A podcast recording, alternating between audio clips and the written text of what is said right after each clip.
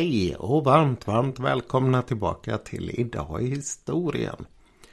Ett Idag i historien som idag för ovanlighetens skull ska bege sig till Afrika. Det är en del av världen som jag ganska sällan talar om och jag erkänner villigt att det helt och hållet är beroende på okunskap.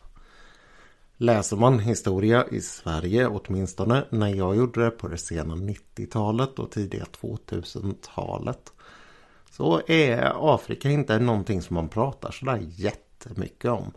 Det är oftast i relation till andra delar av världen i sådana fall. Och när det kom till att eh, fördjupa sig så var mina intressen alltid på andra håll. Mot Östeuropa, Sovjet och socialhistoria till största delen.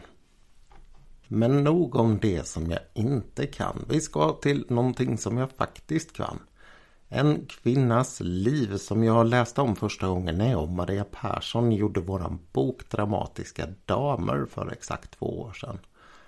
Och den här kvinnan, hennes liv, det var så fantastiskt häftigt så därefter så har jag tagit alla chanser jag har kunnat att vara med henne i olika föreläsningar. Därför hon är ett ovanligt gott exempel på någon som är inte bara väldigt, väldigt modig och har en god moralisk kompass. Utan dessutom någon som är ordentligt rolig samtidigt som den står upp för det rätta. Jag talar om Helen Susman, en kvinna som, ja, faktiskt fler borde känna till. Så vi hoppar rakt på hennes bakgrund. En bakgrund som är ganska ovanlig ifall man kommer från Afrika. Men hennes föräldrar, de var judar och hade bott i bosättningsområdet. Det hade ju i det gamla Ryssland blivit så att väldigt många judar hade samlats i en, eh, ja, jag vet inte vad man ska beskriva det som, en, en tunnel eller en korridor. Som gick från Polen, Lettland, Litauen och sen hela vägen ner mot Ukraina och Svarta havet. Det är i det här området som den judiska stettelkulturen utvecklas. Och det är också dessvärre i det här området som Hitler hittar alla sina offer en lång tid senare. Men de där hemskheterna har ännu inte inträffat och det ligger en hel del hemskheter även i Afrika framför oss. Hennes föräldrar i varje fall, de hade lämnat det här området helt och hållet på grund av just hemskheter. Det var inte särskilt roligt att vara jude här under den tiden som de lydde under den ryska tsaren heller. Det var väldigt, väldigt fattigt och det var väldigt, väldigt hårt arbete. Så många av de som bodde här de tog möjligheter att avancera antingen inom Ryssland om det gick och senare också i Sovjetunionen. Men också genom att flytta. De allra flesta de stack ju till USA. Men för det här paret, paret Gavronski, så gick flytten istället till Sydafrika. Och det var de faktiskt inte helt ensamma om utan det var en hel del judar som flyttade ner dit. Det gick bra för hennes pappa när han kom ner till Sydafrika. Han gjorde sig en förmögenhet på skinn och på fastigheter. Han fick, eller han och hans fru fick den här dottern Helen 1917. Och hon gick i väldigt fina skolor. Hon bodde i en väldigt rik och välmående förort två mil utanför Kapstad. Nej, förlåt, Johannesburg. Och när hon hade gått på alla de här skolorna så började hon på ett universitet som heter Witwatersrand. Jag tror att det fortfarande idag rankas som Afrikas bästa universitet. Det har omkring 40 000 studenter idag så det är en rejäl organisation. På universitetet så studerade hon ekonomi och ekonomisk historia. Och samtidigt så gifter hon sig, bara 20 år gammal så gifter hon sig med en eh, man med en väldigt liknande hennes egen bakgrund. En man som hette Moses Susman och som var läkare. De skulle ganska snart få två stycken barn och under tiden så var Helen hemma och tog hand om de här. Men när hon var klar med det så gav hon sig tillbaka till universitetet och undervisade i ekonomisk historia. Och hon jobbade även med ekonomi, bland annat för försvaret. På universitetet så är hon också med och startar en förening som ska skydda kvinnors rättigheter. Och det här det är en period när den eh, sydafrikanska politiken är inne i en rejält turbulent era. 1948 så hände det ordentligt oväntade när United Party förlorar makten och dessutom gör det till National Party. Och det är National Party som ska göra det till det Sydafrika som många av oss växte upp med. Ett Sydafrika som hade apartheidlagar. Alltså lagar som på olika sätt skilde på svarta och vita och som alltid gjorde det till de vitas fördelar. Och det är väldigt viktigt att tänka sig att det här är en utveckling som går stegvis. Det är inte så att man över en natt bygger upp en rejält rasistisk stenhård stat. Utan sakta men säkert från 1948 och framåt så ändrar man lag efter lag med en klar målsättning om vart man vill hamna. Även om vägen såklart är ganska improviserad. Helen hon reagerar häftigt på det här skiftet. Hon tycker inte att det är sunt någonstans och hon är ju redan ganska engagerad på olika sätt och vis. Dessutom så såg hon i sin forskning väldigt tidigt hur det här påverkade svarta och hur deras levnadsförhållanden blev ordentligt åtklämda av den här politiken. När det var dags för val några år senare så var det många av hennes vänner som låg på henne och tyckte att du borde nog kanske ta och ställa upp i det här valet.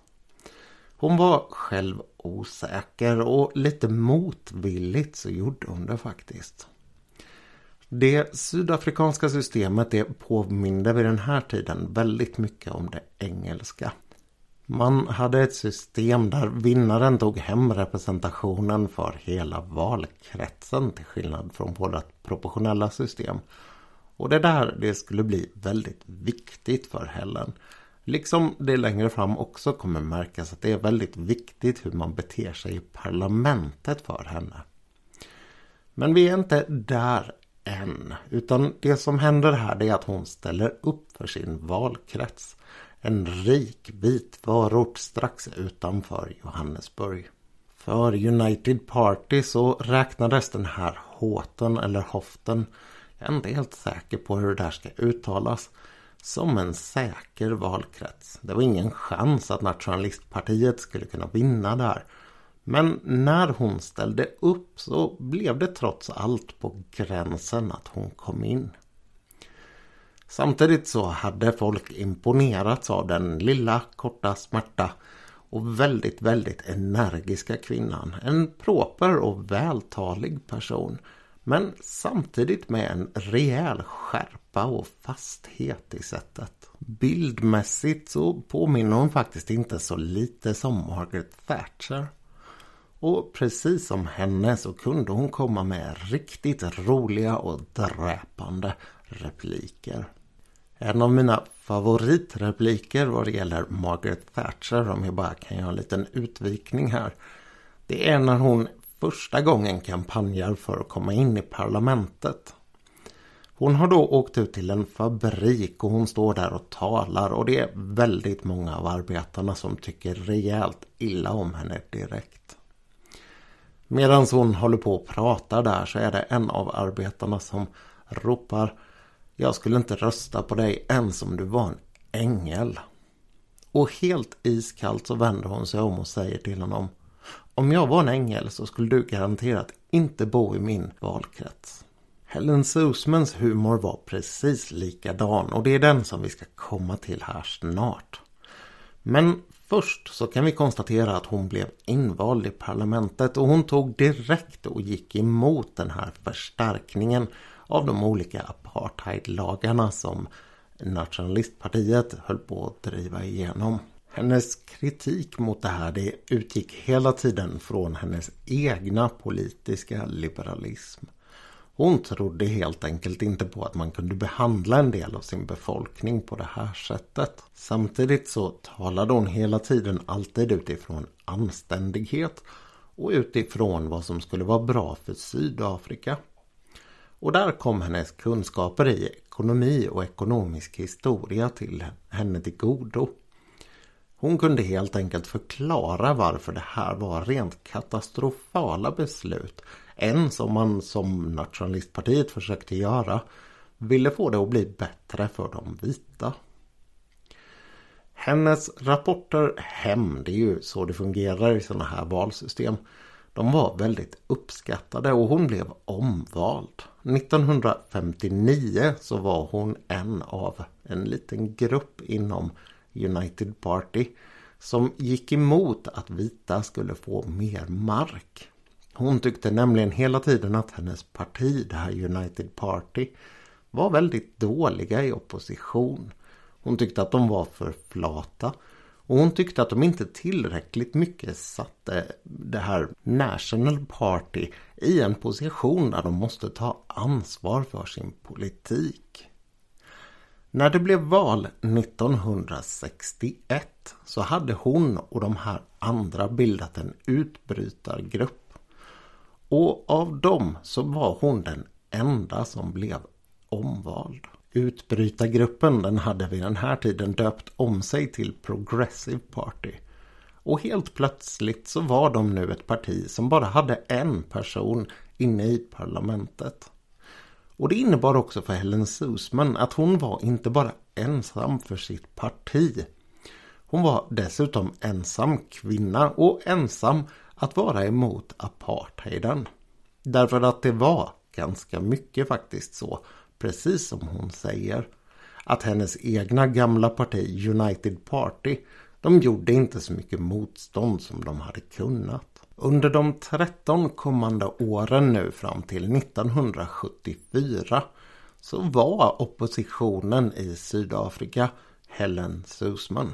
Jo, det är faktiskt just precis så enkelt. Om man till opposition räknar någon som konsekvent gör ett ordentligt motstånd mot allting som motståndaren i parlamentet gör som man inte uppskattar. Och det absolut grundläggande här som National Party gjorde det var ju det som Helen Susman ogillade. Redan när parlamentet öppnar så konstaterar den nya premiärministern Henrik Verworden att det bara är en av dem som har kommit från Progressive Party som är tillbaka. Han tittar på Helen Susman samtidigt som han säger jag hade ändå skrivit av er. Och Helen Susman tittar på honom och svarar Hela världen har skrivit av dig. Det skulle bli tonvis med sådana ordutväxlingar under de här kommande åren. Och hela tiden så skulle hon angripas på lägsta sätt. För att hon var kvinna, för att hon var judinna eller för att hon helt enkelt inte var med på det här och därför kunde beskyllas för att vara kommunist. Märkligt nog. Men där anspelade man på hennes då arv från det gamla ryska riket. Eller att hon bara rätt och slätt var en sabotör. Det här stämde ju faktiskt i viss mån för hon var ju väldigt mycket emot allt det här de gjorde med rasseparation i undervisningen, rasseparation på offentliga platser och att man reserverade vissa jobb för de vita eller tvångsförflyttade svarta. Men hennes viktigaste del kanske inte riktigt var i det här. För vad gör egentligen en röst i ett parlament för 166 ledamöter? Jo, den kan faktiskt göra väldigt mycket om man inte bara menar en röst som den röst man lägger.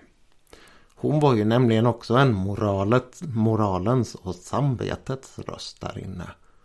Och det var hon på ett alldeles speciellt sätt.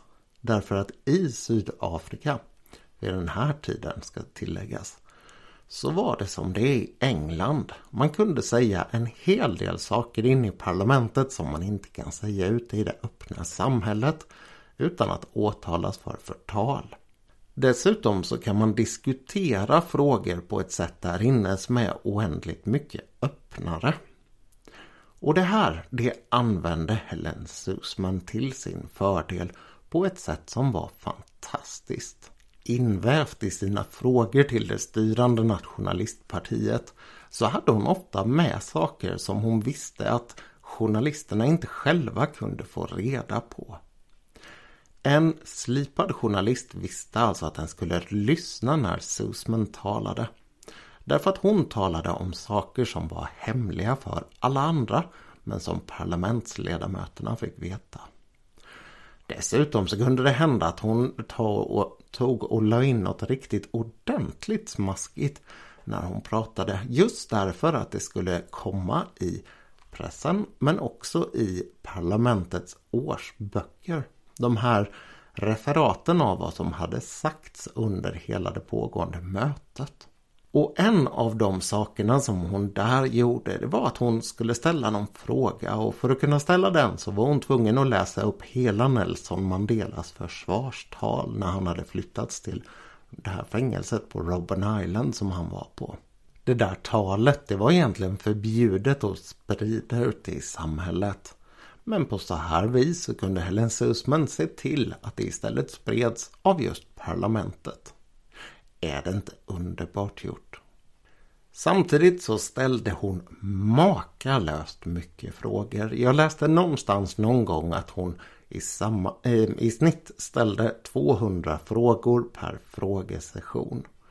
Och hon gjorde det hela tiden för att man skulle dokumentera de effekter politiken hade eller för att göra det ordentligt jobbigt för partiet som styrde.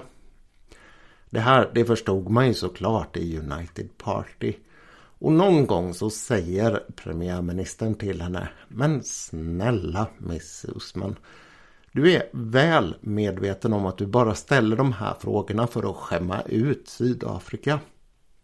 Susman hon tog det lika lugnt som vanligt och svarade honom rappt med Det är inte mina frågor som skämmer ut Sydafrika.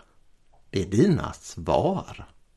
Parallellt med det här så använde Helen Susman också parlamentsledamöternas rätt att besöka olika delar av statsapparaten. På det sättet så kunde hon till exempel göra ett studiebesök 1967 på Robben Island. Det ökända fängelset där många av ANCs ledare höll fängslade. Och de har i efterhand berättat att det spelade väldigt stor roll att hon kom dit. Deras förhållanden blev bättre och dessutom kunde de etablera kontakt med den politiska eliten i eh, Sydafrika. Men det är väldigt viktigt här att skilja på saker och ting. Det var inte på något sätt och vis så alls att Helen Suzman stöttade ANC. Hon stöttade de svartas rätt att ha rättigheter och hon stöttade deras rätt att vara en del i politiken i deras eget hemland. För själva ANC så gav hon inte särskilt mycket. Hon ogillade deras extremvänsteruppfattningar. Själv så var hon som jag sa tidigare liberal. Vart hon hade landat i Sverige idag är lite svårt att säga faktiskt. Men hon skulle nog vara, ja, någonstans mitt i smeten. Möjligen med en dragning åt höger. Det här det gjorde också att hon rejält mycket stöttade de stora företagen, stora utländska företagen som fanns i Sydafrika. För hon visste att jobb det är någonting som de svarta behöver. Och av samma anledning så var hon helt och hållet emot att omvärlden skulle bojkotta Sydafrika. Det här det gjorde att hon ibland hamnade i den märkliga situationen att hon, när hon var utomlands, blev attackerad av demonstranter. Att hon, som hade stått upp där hemma och på olika sätt faktiskt utsatt sig för en rejäl risk kunde bli utsatt för olika typer av utskällningar eller rena attacker. Trots det så skulle hon samla på sig ett antal hedersdoktorstitlar från olika universitet. Och hon skulle dessutom nomineras till Nobels fredspris flera gånger. Det var, för en ärlig motståndare åtminstone, väldigt svårt att eh, på något sätt och vis hävda att hon skulle försöka spela under täcket med nationalistpartiet. Utan tvärtom så fick man faktiskt beundra hennes mod även om man inte höll med om vilka vägar hon tyckte att man skulle gå. Eller hur man överhuvudtaget skulle styra ett samhälle. Och förresten det där med att hon utsatte sig för rejäla risker. Det fanns faktiskt väldigt, väldigt stora risker med att vara opposition i Sydafrika. Även om man var vit och man var kvinna. Det finns åtminstone ett fall där en kvinna, just vit kvinna, har mördats av underrättelsetjänsten. Helen själv försökte ta det lugnt vad det gällde de här sakerna. Och när folk ringde hem till henne och hotade henne till livet då hade hon en visselpipa liggande vid telefonen. För att det är en sån här gammaldags telefon. Om man blåser den ordentligt hårt med en visselpipa. Då är det inte särskilt skönt i örat för personen på andra sidan. 1974 som jag sa så var hon inte längre ensam. Utan nu så började det komma in fler från Progressive Party och sakta men säkert här nu framöver så kommer det här partiet att växa. Man kommer dels att bli det största oppositionspartiet under 1980-talet i Sydafrika. Och man kommer också faktiskt att få en hel del inflytande över politiken. Många av de här sakerna som hon har slagits för, de börjar nu få fäste. Samtidigt så är det väldigt viktigt att se vad Helen var för person och hon var egentligen ingen ledare. Hon var en väldigt duktig kämpe hon var en väldigt modig person men hon var ingen strategiker och organisatör av den sorten som behövs för att vara partiledare. Och vettigt nog så visste hon faktiskt om det här. Så när hon fick vänner som kom in i parlamentet så gjorde hon inga som helst ansatser att leda dem. Utan hon visste att hon var bäst som en i laget. Väl värt att säga vid det här laget är att eh, hennes parti Progressive Party de var vid den här tiden ett parti endast för vita. Och det var inte någonting som de själva hade kunnat bestämma över utan det hade för dem blivit av tvång.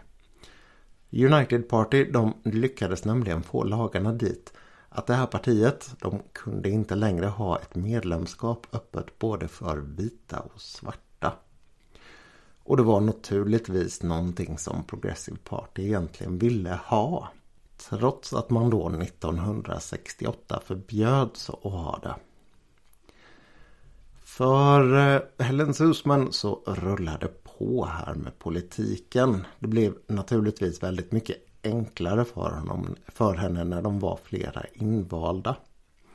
Och hon fortsatte också att på olika sätt förolämpa sina motståndare så som man gör i ett parlament av den här sorten. Till exempel så sa PV Båta någon gång att det är välkänt att Helen Susman ogillar honom. Varpå hon skrek till honom eller ropade till honom och avbröt. Hon utropade protest. Jag ogillar dig inte, jag avskyr dig. Men i takt med att man märkte vart Sydafrika var på väg så märkte också Helen Susman att det började bli dags för henne att sluta. De svarta de tilläts att skapa sig fackförbund och sådana här saker. Det blev också väldigt mycket bättre förhållanden på sjukhus och sådär. Så 1989 så ställde Helen Susman, då 71 år gammal, inte upp för omval. Istället så skulle hon leda ett institut för rasrelationer 1990 till 1993. Och det här är ju samma tid som när Nelson Mandela släpps. Och han, han var väldigt imponerad av vad hon hade lyckats göra. Han har sagt att hon tillhör de absolut viktigaste personerna som har funnits i det offentliga livet i Sydafrika. Och han skulle också skriva förordet till hennes memoarer. Memoarer som var väldigt uppskattade när de kom ut. Det kanske inte är så konstigt därför att personer som är trevliga brukar ju också lyckas skriva bra böcker. Och det har av en brittisk ambassadör sagts att det bästa sällskapet man kan ha, inte bara i Sydafrika utan i hela världen, det är Helen Susman.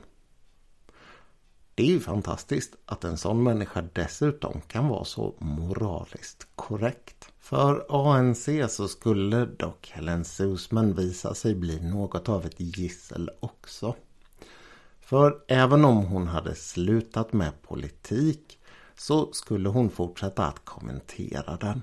Och en av de sakerna hon sa om ANC och det Sydafrika som de byggde upp efter att de hade tagit makten.